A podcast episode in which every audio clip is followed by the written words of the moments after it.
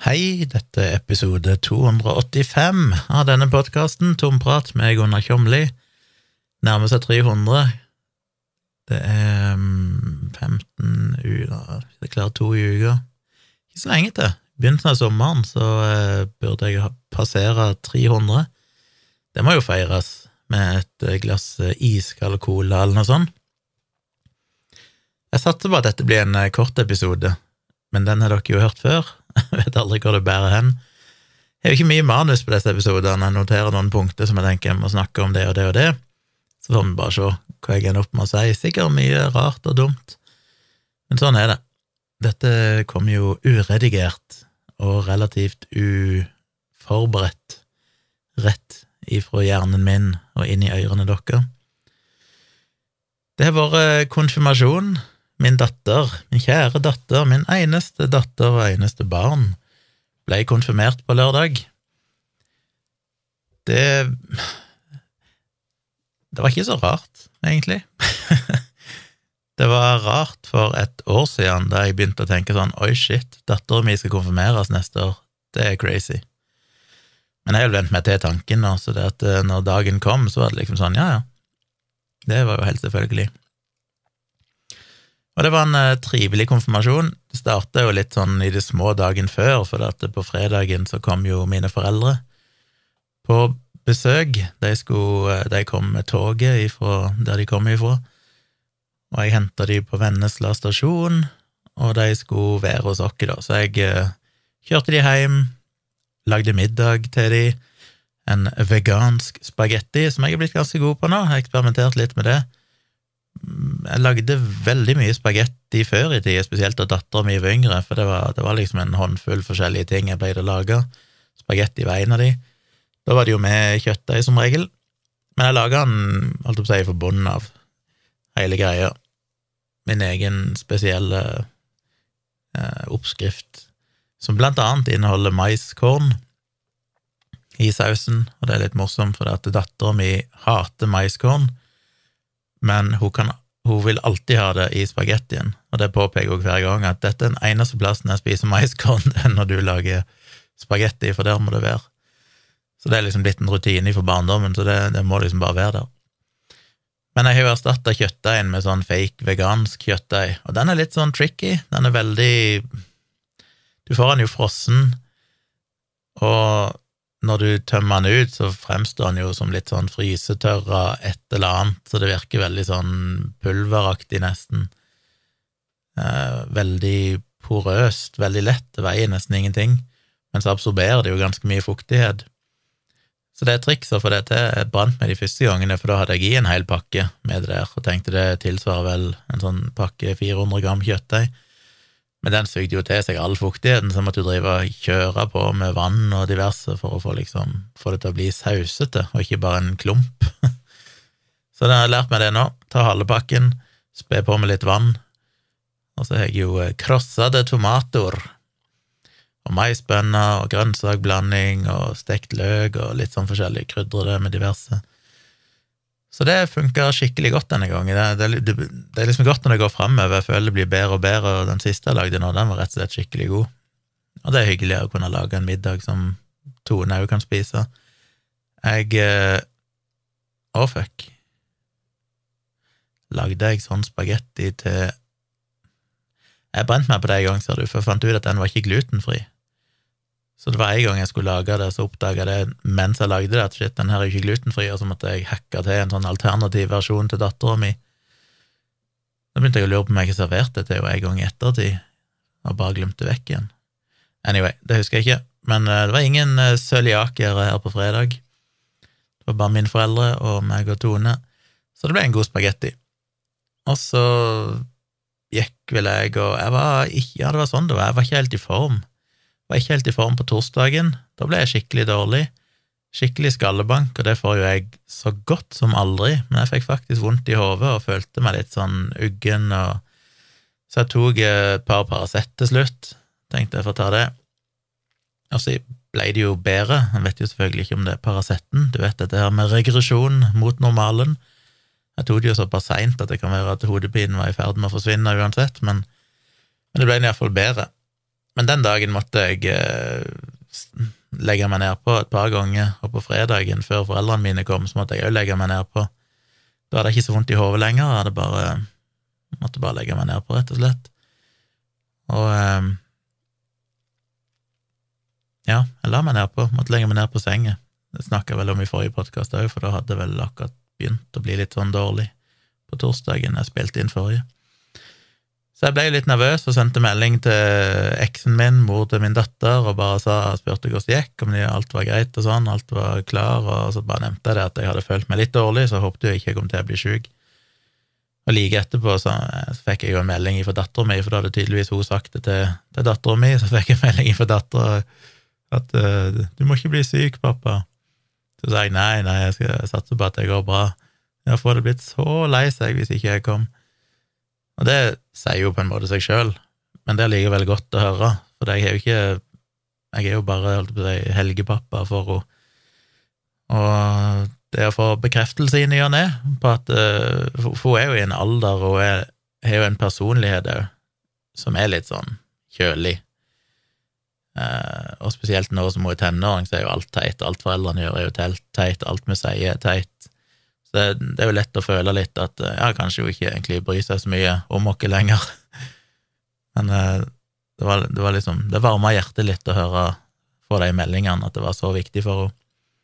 Og så våkna jeg jo neste morgen klokka halv åtte, sju-halv åtte eller sånn, og det første som skjedde når jeg våkna, var at jeg fikk melding av dattera mi igjen og spurte et eller annet, hva formen var, eller om jeg var frisk, eller så sa jeg ja.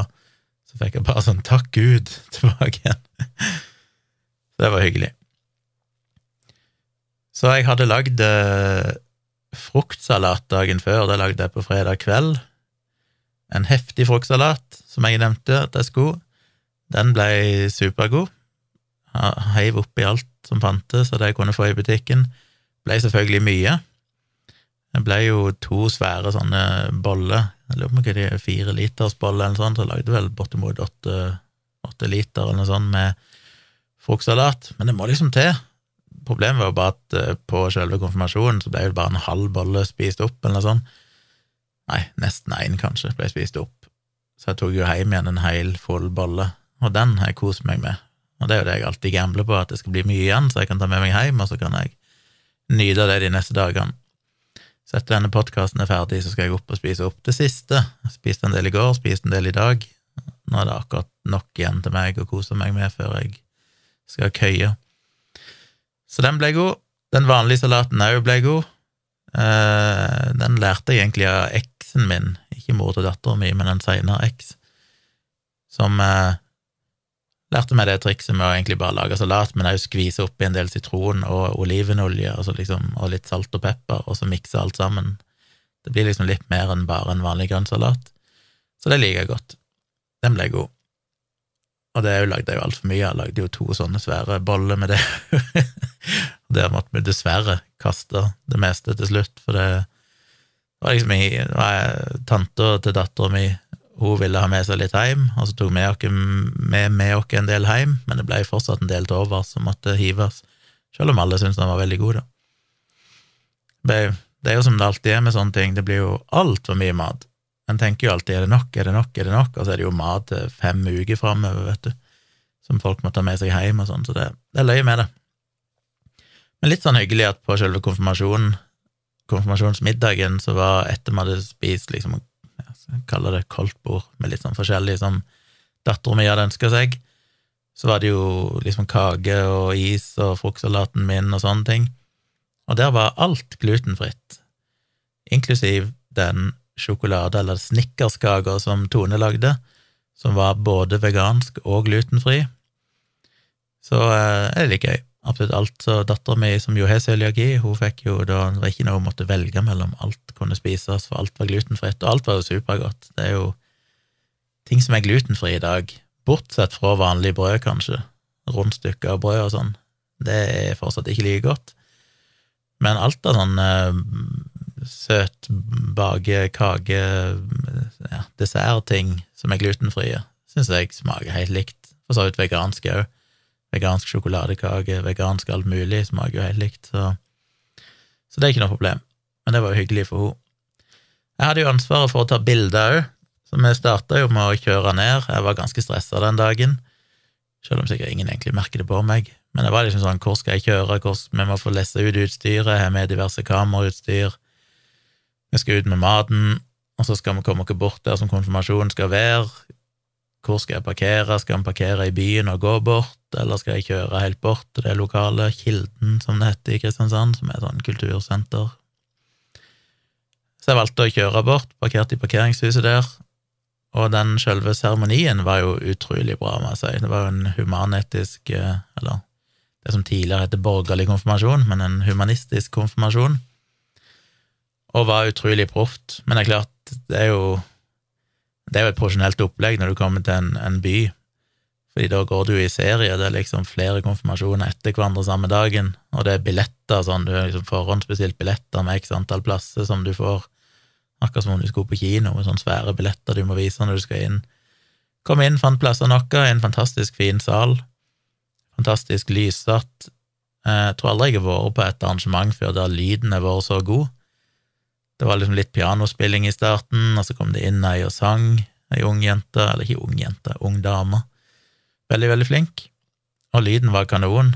Og så kom det en fyr inn og introduserte greiene, og så var det ei som holdt en tale til konfirmantene seinere, eh, med mygg, men lyden var liksom bare så veldig, veldig høy og krystallklar, så til og med min far, som nesten ikke har hørsel igjen, fikk med seg det meste, sa han. Det, det er et godt tegn.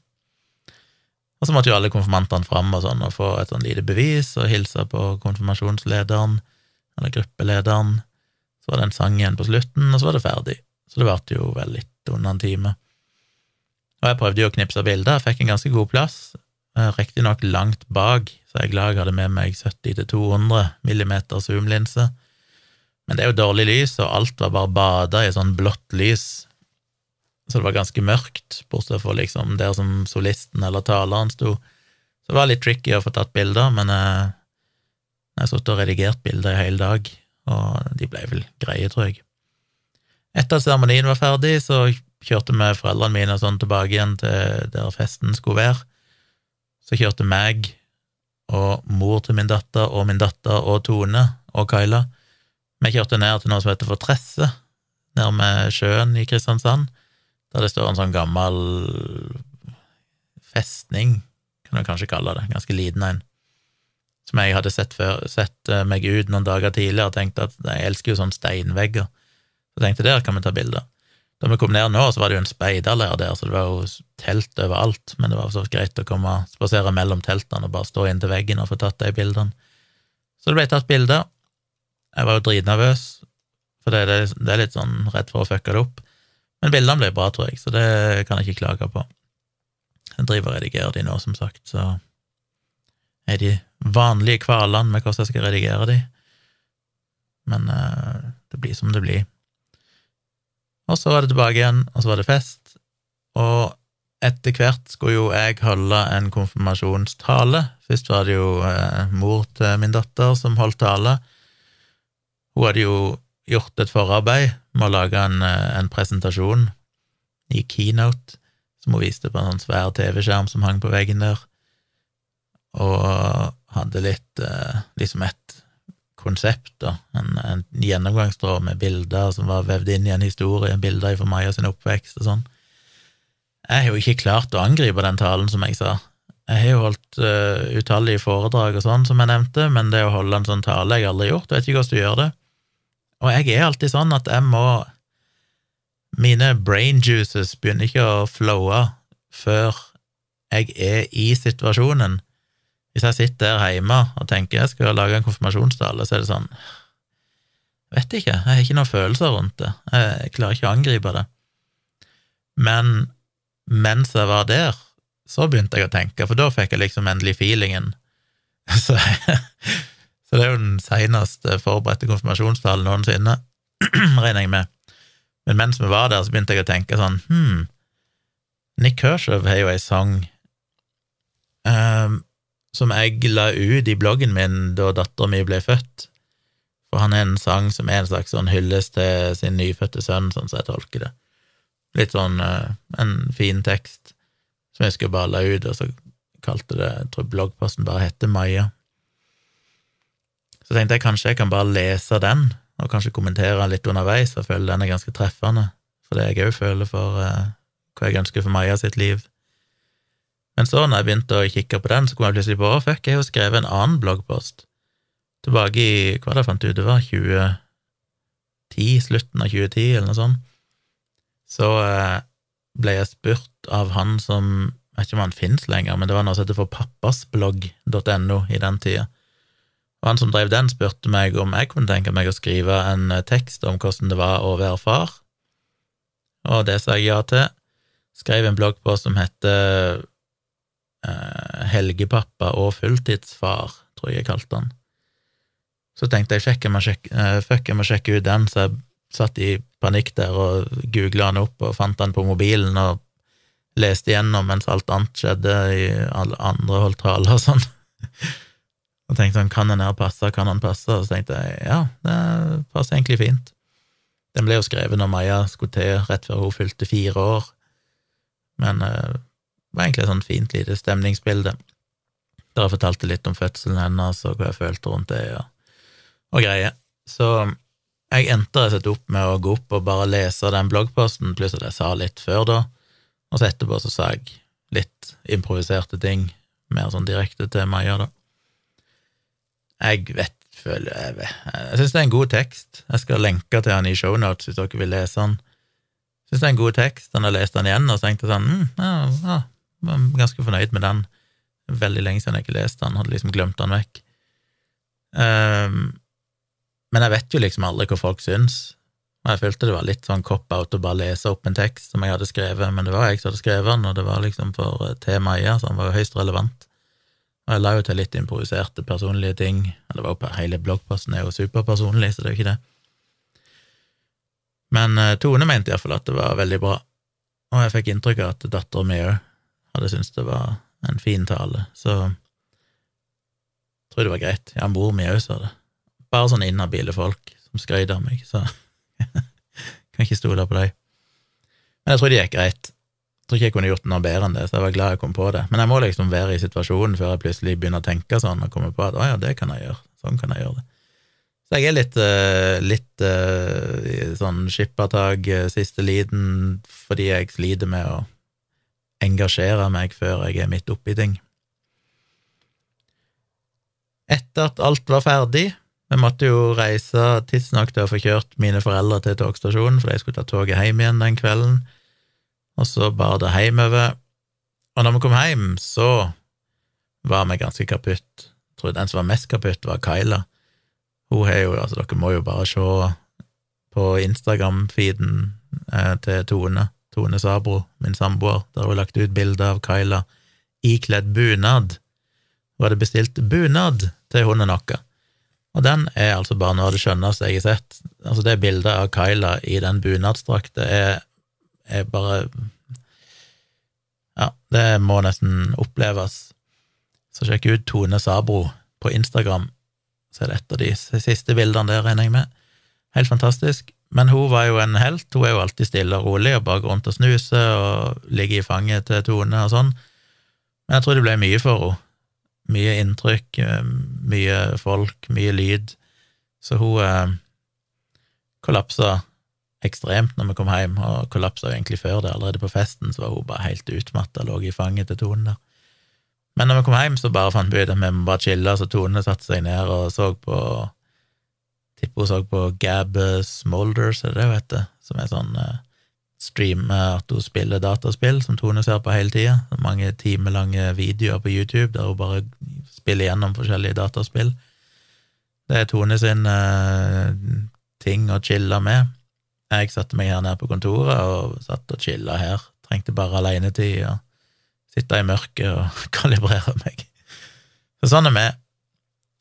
Men uh, det gikk nå greit, vi overlevde, og formen min var jo heldigvis da god på lørdagen, og ikke blitt dårlig etter det. Jeg vurderte jo å teste meg for covid på fredagen, men sannheten er jo at jeg glemte det vekk. Jeg hadde liksom planlagt at jeg skulle gjøre det så seint som mulig, for jeg tenkte at hvis jeg skal ha størst mulig sjanse for å fange opp en eventuell positiv eh, test, så bør jeg vente lengst mulig. Men så glemte jeg det vekk, Og så dagen etterpå så tenkte jeg sånn, ja ja, fuck it, det er sikkert like greit å ikke vite. I dag trenger du ikke engang å holde deg hjemme hvis du skulle teste positivt, og da hadde jeg bare fått sånn jævlig dilemma, sånn hva skal jeg Jeg føler jeg må gå. Det er liksom den ene gang i livet mitt at min datter skal konfirmeres. Jeg kan jo ikke ikke gå. Men hadde jeg visst at jeg var holdt på å si hiv-positiv, covid-positiv, så hadde det vært vanskelig å bestemme seg for å gå. Så jeg, eh, og alle som er der, er jo fullvaksinerte og sånn, og jeg tror de aller, aller fleste, muligens alle, de som var der, har hatt covid, så vidt jeg vet. Det er bare meg og Tone som ikke har hatt det, så Med mindre det var det jeg hadde, da, men det tviler jeg på. Det gikk så veldig fort over. Så vi får se.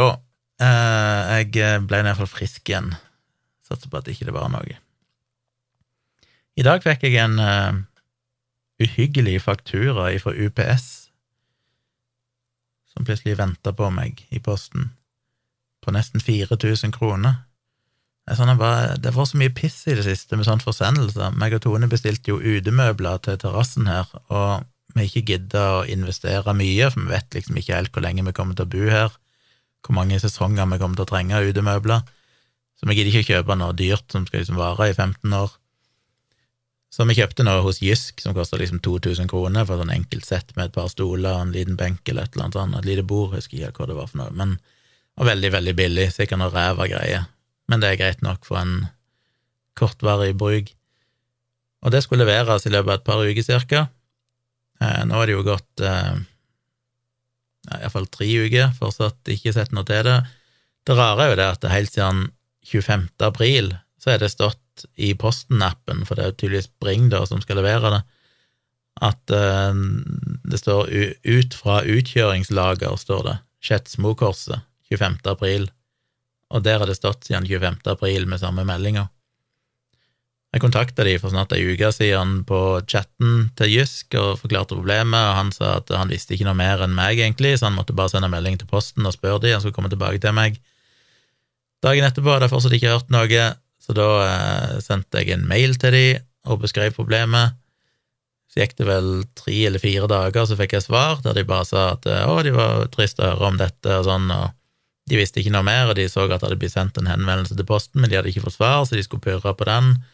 Så lurte de på om jeg hadde fått noen SMS med spørsmål om utleveringstid og sånn ifra Bring, så sa jeg nei, det har jeg ikke, men nå har det jo fuckings gått uh, Nei, og den samme meldinga stått i to uker. Jeg skjønner ikke hva som skjer. Fortsatt har vi ikke hørt noe. Dette var vel i Dette var vel på lørdag eller noe sånt. Fredag eller lørdag.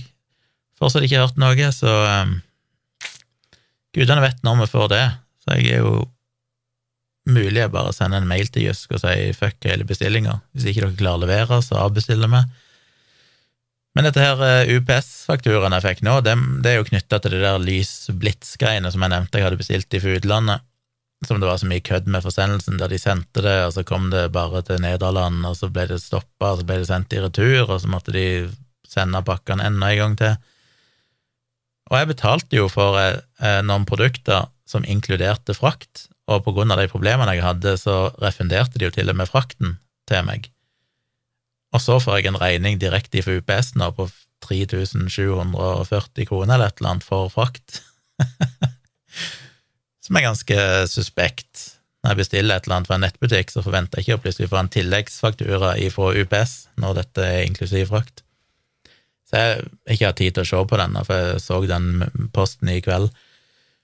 Men jeg tipper det må være noe med at de har sendt det, og så har det blitt sendt i retur, og så måtte de sende det på nytt, og så er det et eller annet der med at siden det er blitt sendt to ganger, så må noen dekke den ene forsendelsen, og så har UPS bare sendt den fakturaen til meg. Men det er jo ikke mitt problem. Jeg har jo ingenting med det å gjøre. Jeg har bare bestilt en vare fra en leverandør i utlandet, og så er det jo deres problem å få sendt det til meg. Så det blir jo en morsom greie. Jeg er så lei av å drive og diskutere og sitte på support og sånn med folk som skal sende ting, at de faen ikke kan få levert det. Men det ordner seg vel på et vis. Jeg ser ikke for meg at jeg skal betale den fakturaen, iallfall. Det er jo Den regninga for UPS er jo like stor, er jo det jeg bestilte, koster vel rett over 20 000, så den er jo på uh, ja, 50% av det produktene kosta, den fakturaen jeg fikk nå fra UPS, så det er ganske sjukt. Jeg nevnte jo den nye EP-en til Nick Kershaw i forrige episode. Nå har jeg jo fått hørt litt mer på han. Nå digger jeg han jo selvfølgelig. Nå har jeg jo fått alle sangene på hjernen, som typisk Nick Kershaw. Satt jo og koste meg her den ene dagen på søndagen. Da satt meg og Tone lenge og chilla i sofaen og bare hadde en skikkelig lang morgen og bare så på YouTube og hadde ikke kledd på meg eller noen ting. Og da begynte jeg plutselig å browse etter Nick Kershaw-videoer på YouTube ikke musikkvideoene og sånn, men mer reaction-videoer og andre ting. Og da blir jeg så glad når jeg finner Først var det en video som heter noe sånt som Nick Kershaw, a fantastic songwriter, eller et eller annet sånt, som bare var en kjapp gjennomgang av alle sånne sanger han har skrevet for andre artister. Han er jo De fleste kjenner jo The One and Only av Chesney Hawks. Den er jo Nick Kershaw skrevet. Men han har jo skrevet masse greier for Bonnie Tyler og Ronan Keating og Sia og jeg husker ikke navnene på alle. Han skrev for Elton John. Han er jo en lang rekke med De fleste av dem ikke vært store noen av dem har vært moderate hits i England og Europa, men det er vel The One and Only som er vår største sånn rene hiten, fremført av en annen artist, som han har skrevet. Um, jeg fikk en melding på skjermen her, bare klikke den vekk. Så det var litt gøy å bare få en sånn liten oppsummering av alt det, og da fikk jeg jo en påminnelse om mange av de sangene jeg hørte før, så jeg måtte høre de om igjen. Så det er en annen video som bare var klipp fra forskjellige intervjuer med forskjellige artister, der de bare snakket om hvorfor et geni Nick Kershaw er, folk som har samarbeida med han og spilt på platene hans, eller spilt med han live, eller som han har skrevet musikk for. Og det er jo bare å røre mitt hjerte når du hører så dyktige folk som det bare sitte og geni, genierklære han, for han er jo et musikalsk geni. Så er det en annen video òg som jeg kjenner om uh, The Riddle, som jo er kanskje hans mest kjente sang, iallfall her i Norge, i tillegg til I Won't Let The Sun Go Down On Me, kanskje. Uh, Wouldn't It Be Good, kanskje, men det er vel The, The Riddle som er den mest kjente sangen til Nick Kershaw. Men det er jo det som gjør at jeg elsker Nick Kershaw, det er jo det at han lager ekstremt fengende popmusikk men så er det så komplekst. Og den videoen der er på en eller annen sånn YouTube-kanal med en fyr som er ekstremt sånn teoretisk, mus musikkteoretisk dyktig, som driver og analyserer musikk, han sa denne sangen her er bare helt umulig å analysere, for The Riddle er altså så kompleks i akkordskiftene sine, det finnes ingen logikk i i de akkordgangene, og hvordan han modulerer og gjenger ifra Altså, han skifter jo toneart hele tida, og plutselig så er det et refreng som går en halvtone høyere enn det forrige refrenget, altså aner du ikke hvordan han kom seg der. Uh, og det er det jeg elsker, jeg har sagt mange ganger. Nick Kershaw er jo en sånn artist der en sang begynner i én toneart, men i det verset begynner, så bare skifter han toneart plutselig. Og så er det noen, altså The One and Only òg er jo òg ekstremt kompleks. Husker da jeg var ganske ung og når den sangen kom, så husker jeg at jeg eh, tenkte jeg skulle prøve, for det gjorde jeg mye, jeg hørte på musikk, og så skrev jeg ned teksten, og så fant jeg ut akkordene på den, så jeg kunne spille den sjøl på piano eller gitar. Jeg husker jeg satt og prøvde å finne ut av akkordene på The One and Only. I dag hadde jeg vel klart det ganske greit, men i den tida så var jo det helt umulig, for den er jo så rar. Og Det er det som er så herlig med Nick Kershaw, for han er jo en jazzbakgrunn, jazz-fusion-bakgrunn, så han eh, skriver jo ekstremt komplekst, men så høres det ut som at det er bare en Du merker det ikke, liksom, for den melodien er så catchy. Han kan òg ha sanger som går i, i, i ni fjerdelstakt eller fem fjerdelstakt, og, og, du merker det egentlig ikke, selv om når du begynner å telle, så oppdager du plutselig at oi, her er det jo en veldig spesiell taktart, men det er så godt kamuflert av dyktige musikere og dyktig låtskriving at du merker ikke hvor sært det faktisk er. Så det koste jeg meg med, å bare sitte og se sånne analyser og hyllester av Nick Kershaw.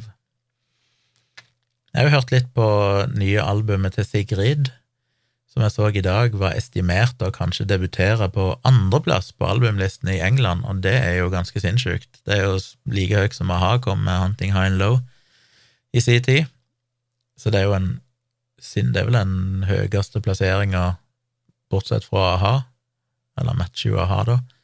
Jeg tror Kygo kom, på, kom opp til tredjeplass, og så var det noen andre som hadde vært oppe på fjerde, eller sånn norsk artist, hvis jeg ikke husker feil. Men jeg tror iallfall det å debutere på andreplass på albumlista Man kan jo selvfølgelig gå opp til førsteplass seinere, men det å debutere på andreplass er ganske insane.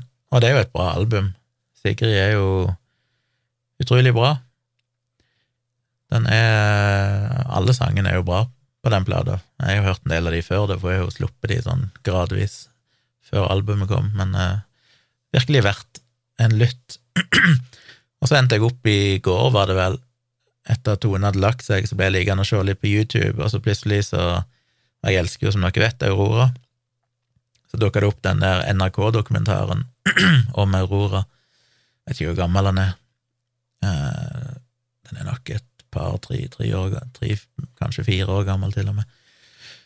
Som egentlig bare starten av karrieren, først etter egentlig jobben med det andre albumet hennes. dekker han vel, og litt turneer rundt om i verden og sånn. Jeg oppdaga jo når jeg så han at denne her har jeg jo sett før, men jeg endte opp med å se hele på nytt. Fordi jeg er så Aurora-fan at det går liksom ikke an å få sagt det. Og da mener jeg jo ja, 50-50 personen og musikken. Jeg syns hun har ekstremt mye bra musikk. Men akkurat med henne, i motsetning til Sigrid Sigrid er ikke noe sånn Jeg er ikke med sånn supersans for henne som person. Hun er en ekstremt bra performer, bra artist, bra på scenen. Men ellers er jeg ikke så mye forhold til henne. Men Aurora hun er jo bare noe for seg sjøl. Og jeg er fortsatt overbevist om at meg og Aurora kunne hatt eh, Selv om jeg egentlig er stikk motsatte, hun er jo veldig ekspressiv og, og virker veldig uredd, mens jeg er mer inneslutta og sjenert.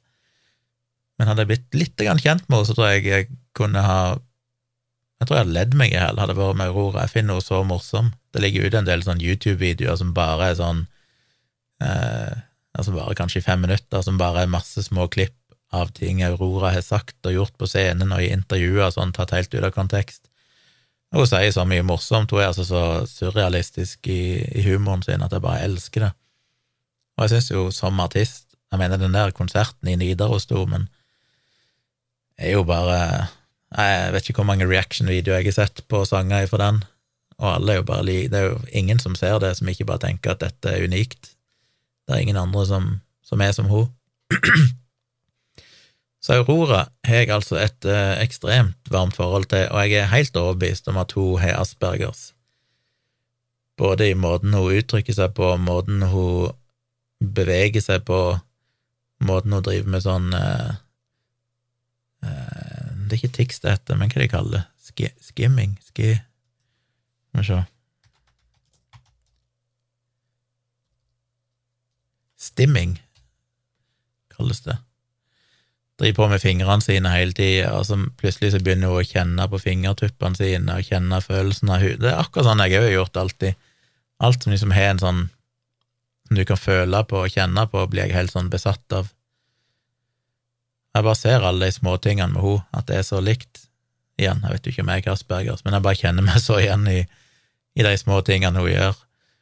Eh, og måten hun er så direkte på, og så autentisk på en måte som jeg ofte assosierer med folk på autismespekteret, for det er liksom ikke noe bullshit der, det er bare sånn Dette er sånn det. Så det er så mye med henne som bare jeg kjenner meg igjen i og, og liker. Burde kanskje ikke møte henne noen gang, for det er noe, men du skal ikke møte dine helter. Det er kjipt å bli skikkelig skuffa. Men eh, alt jeg har sett av henne, så bare digger jeg henne. Så har jeg sett uh, sesong én og begynt på sesong to nå av Barry, som jeg jo har sett før, men det er jo kommet en sesong tre, så jeg har fått med meg Tone på å se sesong én og to. Og det er jo en ganske kort sesong, og det er ganske korte episoder, så det går relativt fort. Uh, syns ikke det er like dritbra. Jeg har alltid sagt det er en sånn dritbra serie. Jeg syns den er bra, men jeg tror nok jeg syns det var mye bedre første gang jeg så den, for det er jo ofte sånn med serier at det er så mye med eh, tid og sted å gjøre da jeg så den, så var jeg vel Enten var jeg singel, eller så hadde jeg dame, men hun bodde et annet sted i landet, så jeg var iallfall alene, for jeg assosierer den serien med at jeg bare lå i leiligheten min på Tøyen og så den alene, og hadde egentlig ikke noen store forventninger, men bare digga den etter noen episoder. Og det er noe med det, når du ikke har så store forventninger, så oppdager du plutselig at oi, dette er jo kult, så blir det veldig, veldig bra. Mens nå, når jeg ser han igjen og vet at jeg likte han så godt, så ser jeg han med litt andre øyne, og da er det litt mer sånn ja, ja, ok, det er jo ikke, er ikke så superbra. Men definitivt verdt å se hvis ikke dere har sett han. Han er morsom og spennende. og ganske drøy til tider. Så jeg gleder meg å se hvor de går hen i sesong tre. Og som vanlig så husker jeg jo nesten ingenting, så når jeg ser sesong én og to, husker noen plotlines og noen sånne greier, men ellers så så er det jo som å se det for første gang, omtrent. I morgen så reiser meg og Tone til Oslo. Rett og slett igjen, fordi Tone skal inn og tatovere seg, jeg skal inn og spille inn dialogisk eh, med Dag. Så eh, det blir en Oslo-tur. Jeg skal òg ha to møter med de to brudeparene som jeg skal ta bilde av om ikke så veldig lenge. Skal ha noen forberedelsesmøter med dem, gå litt gjennom programmet og ønsker om bilder og alt dette her, som blir greit. Det ene brudeparet har jeg møtt før et par ganger, det andre har jeg aldri møtt. Så det blir fint å få truffet dem og få prate og liksom få en skikkelig plan for opplegget. Så skal jeg jo da ta bilde av det første brudeparet i slutten av juni, eller 21. ikke juni, mai, 21. mai. Så da har vi funnet ut at eh, siden jeg må komme meg til Geilo, og tenkte å kjøre opp der, for jeg har med meg en del utstyr, så blir jo Tone billøs, og når du bor på bygda og ikke er bil, så er du litt handikappa. Bor et stykke fra butikker og sånne ting, så da fant vi ut at eh, vi heller kjører til Oslo dagen før, og så kan hun henge på hybel vår i Oslo, da har hun litt mer tilgang på ting. Og så kjører jeg dagen etterpå fra Oslo til Geilo, tar bilder og reiser hjem igjen på søndagen, til Oslo igjen, overnatter sikkert til mandagen, og så kjører vi tilbake igjen til Kristiansand. Så det blir jo en liten Oslo-tur om et par uker igjen. Men eh, Oslo i morgen, ja. Kos meg med de Oslo-turene, det må jeg si. Jeg syns eh, bilturene er ganske trivelige òg nå, blitt vant med det, så det går greit. Og det er deilig å ha en plass å bo nå. Eneste som er spennende, er jo hvordan det er med parkering. Det gikk heldigvis greit sist, når Tone kjørte inn alene når jeg skulle på det fotokurset. Da fant hun parkering rett ut forbi, men spørsmålet er om jeg er like heldig denne gangen. Hvis ikke, så er det jo et helsike. Får håpe det går bra. Jeg fikk en uh, mail her uh, for noen dager siden. Jeg får jo mail nesten daglig fra forskjellige aktører i utlandet som uh, spammer meg med ting sånn Hei, we checked out your blog and we love it, uh, we see you've been writing about bla, bla, bla. Og så har de alltid skrevet en eller annen artikkel, og så lurer de på om jeg kunne tenke meg enten lenke til den, eller om jeg kunne tenke meg å republisere den artikkelen med noen linker i bloggen min. Selvfølgelig er det helt uinteressant for meg, så jeg bare uh, merker alle disse mailene som spam, får de ut av innboksen min. Men uh, så får jeg òg noen sånne mailer som er forskjellige undersøkelser og studier som er gjort der de tydeligvis vil ha folk til å skrive om det, så jeg havna på en eller annen liste en eller annen plass. Jeg får jo sånne mailer, mer sånn pressemeldingaktige greier. Og nå fikk jeg en ifra Nå støtte for uh, Ja, jeg vet egentlig hvor det er fra, han som har skrevet det, eller hun som har skrevet det, uh, er ansvarlig for media relations i noe som heter for Digital Third Coast. Men de refererer til en studie som er publisert på eh, advdermatology.com. Gudene vet hva det er. Men den studie, eller undersøkelse på holdninger til dadbods, og det er jo gøy, for jeg er jo en representant for dadbod, en skikkelig pappakropp. Her er det en studie der de intervjua mer enn 1100 amerikanere rundt i hele USA, og hørt hva de tenker om dadboden og noen sånne tall de har på denne, presentert på denne nettsida, er da at 60% er fans av Dadbod. Og det er det av alle, begge kjønn. Det var ca. 50-50 menn og kvinner som eh, svarte. 3% ikke-binære. Men hvis du bare ser på damene, så var 70% av damer var fans av Dadbod, og 49% av menn var det. Så menn er kanskje ikke så glad for å ha Dadbod, men damer er glad i menn som har det. 53 eh, syns at dadbod er en positivt lada begrep. 61% av alle, begge kjønn, syns at dadbods er attraktive, og 49% syns dadbods er sexy. Så det er faktisk et uh, snaut mindretall. Et ørlite flertall syns ikke at dadbods er sexy. Men de er attraktive allikevel. Et flertall mener at de er attraktive, så forstår det det som kan. Eh, 47 foretrekker en mann med dadbod, altså pappakropp, heller enn noen som er skikkelig muskuløs. Men det betyr jo at 53% heller vil ha en muskuløs mann. Én av fem sier at dadbod er den nye sixpacken. 93% sier de ikke dømmer noen som har en dadbod.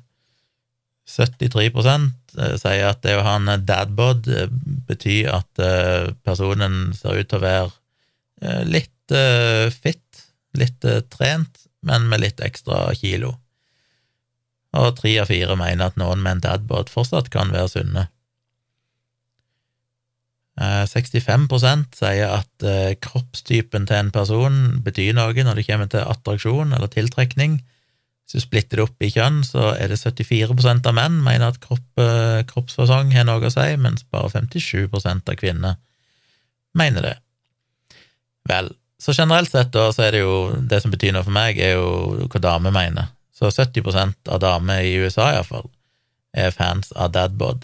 Gudene vet om det kan overføres til Norge. Vi har vel en lavere gjennomsnittlig vekt eh, i Norge enn det i USA, så kanskje folk med dadbod ser eh, relativt sett fittere ut i USA enn det de gjør i Norge. Men allikevel så er det klart jeg blir jo skeptisk til en sånn undersøkelse. Det fremstår jo som noe som er kjøpt og betalt for å skape PR og sånn. Så jeg måtte bare google og se om noen hadde kommentert denne eh, undersøkelsen. Men da oppdaga jeg jo at det er blitt gjennomført sånne undersøkelser mange ganger av mange forskjellige aktører. så i 2021, for et år siden, så var det nettstedet dating.com som òg gjorde samme undersøkelsen, og fant ut at 75 eh, av de som svarte, sa at de foretrakk uh, the soft and round male body heller enn a more toned one. Så 75% mente at de rett og slett foretrakk en dadbod heller enn noen som var fitte og muskuløse. Jeg vet ikke om det er Jeg tror det er begge kjønn, da, men uh, står ikke noe om det er brutt ned på kjønn her, så gudene vet.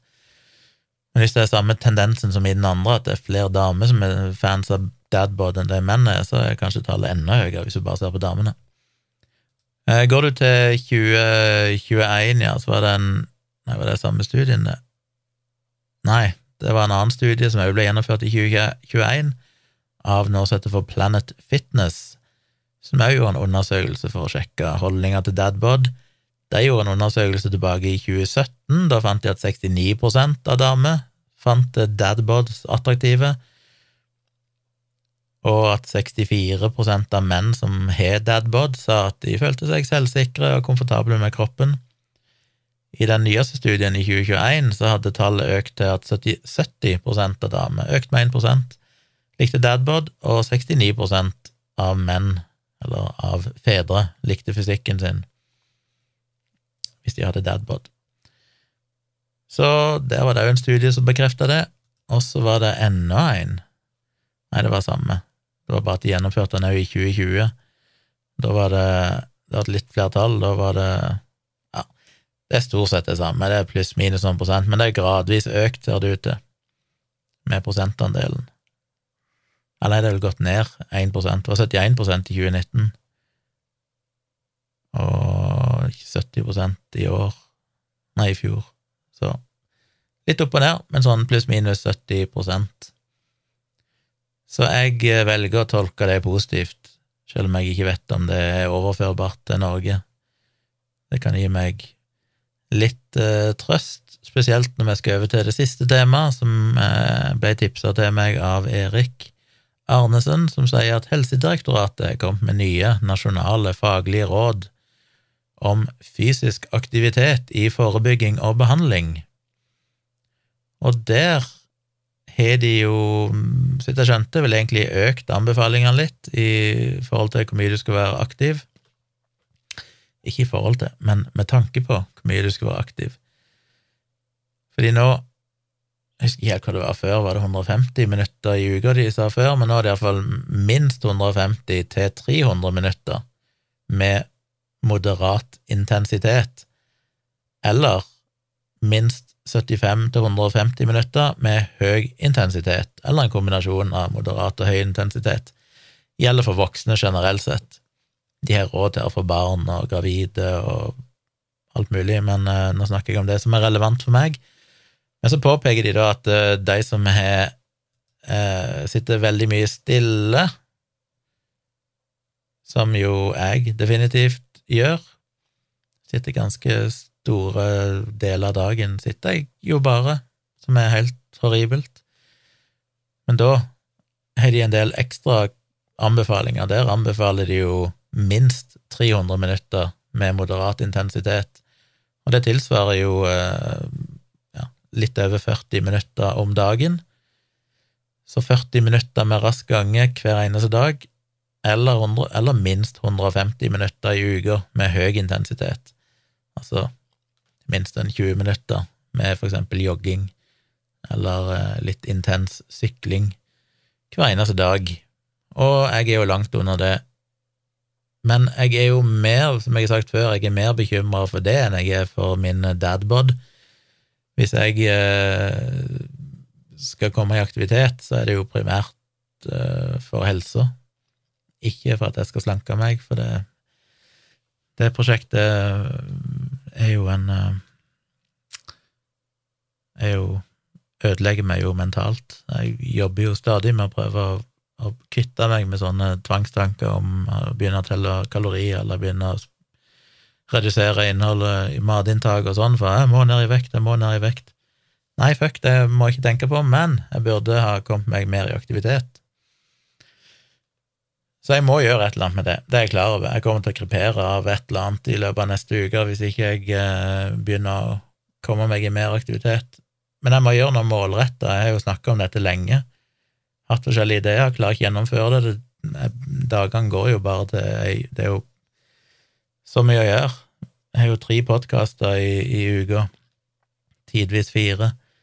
Eh, livestreams, jeg har min dayjob, jeg har fotografering, redigering av bilder, alt mulig annet. Så jeg sliter alltid med den prioriteringa, men det er klart Det er jo ikke noen unnskyldning å ikke klare 20 minutter med jogging hver dag. 20 minutter høres jo overkommelig ut. Så eh, det fine med å reise til Oslo er at da får jeg skikkelig aktivitet. Med en gang jeg er i Oslo, så går jeg jo som en gal, da er det jo bare trasking hele tida. Får så god samvittighet. Men med en gang jeg kommer tilbake igjen til Vennesla, så er det bare å sitte stille. Så når jeg kommer tilbake fra Oslo, så må jeg gjøre et eller annet. Jeg må virkelig Jeg mener, nå er jo været og temperaturen og årstida Det er jo ingen unnskyldninger lenger for ikke å, å gjøre noe. Og det å gå en time om dagen, det er tidkrevende. Det er vanskelig for meg å prioritere at nei, nå må jeg gå en time. Men det er da jeg heller litt mot jogging, og heller For det er liksom mer overkommelig med 20-30 minutter med jogging hver dag hvis det regnes som høy intensitet. Det gjør jo det for meg i starten, iallfall, for da bare jeg jogger to minutter, så kreperer jeg jo, så det er jo høy intensitet for min del. Så jeg må virkelig se på det fra neste uke, når jeg er tilbake igjen i Oslo, dra fram eh, joggeskoene mine og prøve å få til en eller annen rutine på det, altså. For jeg får skikkelig dårlig samvittighet, for jeg vet at det er ikke bra, det er ikke sunt. Det, den livsstilen jeg er, jeg spiser sunt og alt mulig sånn, men jeg er for stillesittende sitter jo fuckings hele dagen. Så det må jeg få gjort noe med. Så det var dagens episode. Det ble jo en liten time allikevel. Eh, det blir ikke noen episode på fredag, for jeg kommer hjem fra Oslo på fredag. Det vil si at jeg er i Oslo på torsdag, når jeg egentlig spiller inn. Det gjelder ikke noen livestream tirsdag kveld, som det pleier, fordi jeg er vekkreist. Men uh, jeg har fått redigert ferdig bildene fra Smak og behag, Smak og behag, restauranten i Kristiansand som jeg tok noen uh, bilder for, og lagt ut de og sendt de til de, ikke fått noen respons ifra de ennå, så jeg håper jo virkelig de er fornøyd, men jeg har begynt å poste noen av de på Instagrammen min, så dere kan jo følge meg på Tjomli foto, for hvis dere er nysgjerrige på det. Vi kom jo òg med en ny episode av Virkelig grusomt her i går, som handler om denne her eh, White Island øya nord for New Zealand som eksploderte i en vulkaneksplosjon her i 2019, mens det var 47 turister som sto ved krateret. Og det var jo ikke spesielt hyggelig. Så vil du høre den historien med alle de grusomme detaljene, sjekk ut Virkelig grusomt, podkasten til meg og Tone. Eh, så kommer jo da sannsynligvis en dialogisk episode i løpet av denne uka. Hvis ikke plutselig Dag blir forhindra for å spille inn eller et eller annet sånt, så, så satser vi på det. Det tror jeg var alt. Stikk innom patron.com slash tjomli, støtt meg der, setter jeg pris på. Skal ikke mase mer om andre ting, jeg sier bare kos dere. Min neste episode kommer vel på 17. mai, faktisk. Ja. Så vi høres igjen på 17. mai. Inntil da, enjoy våren, så håper vi at temperaturene holder seg.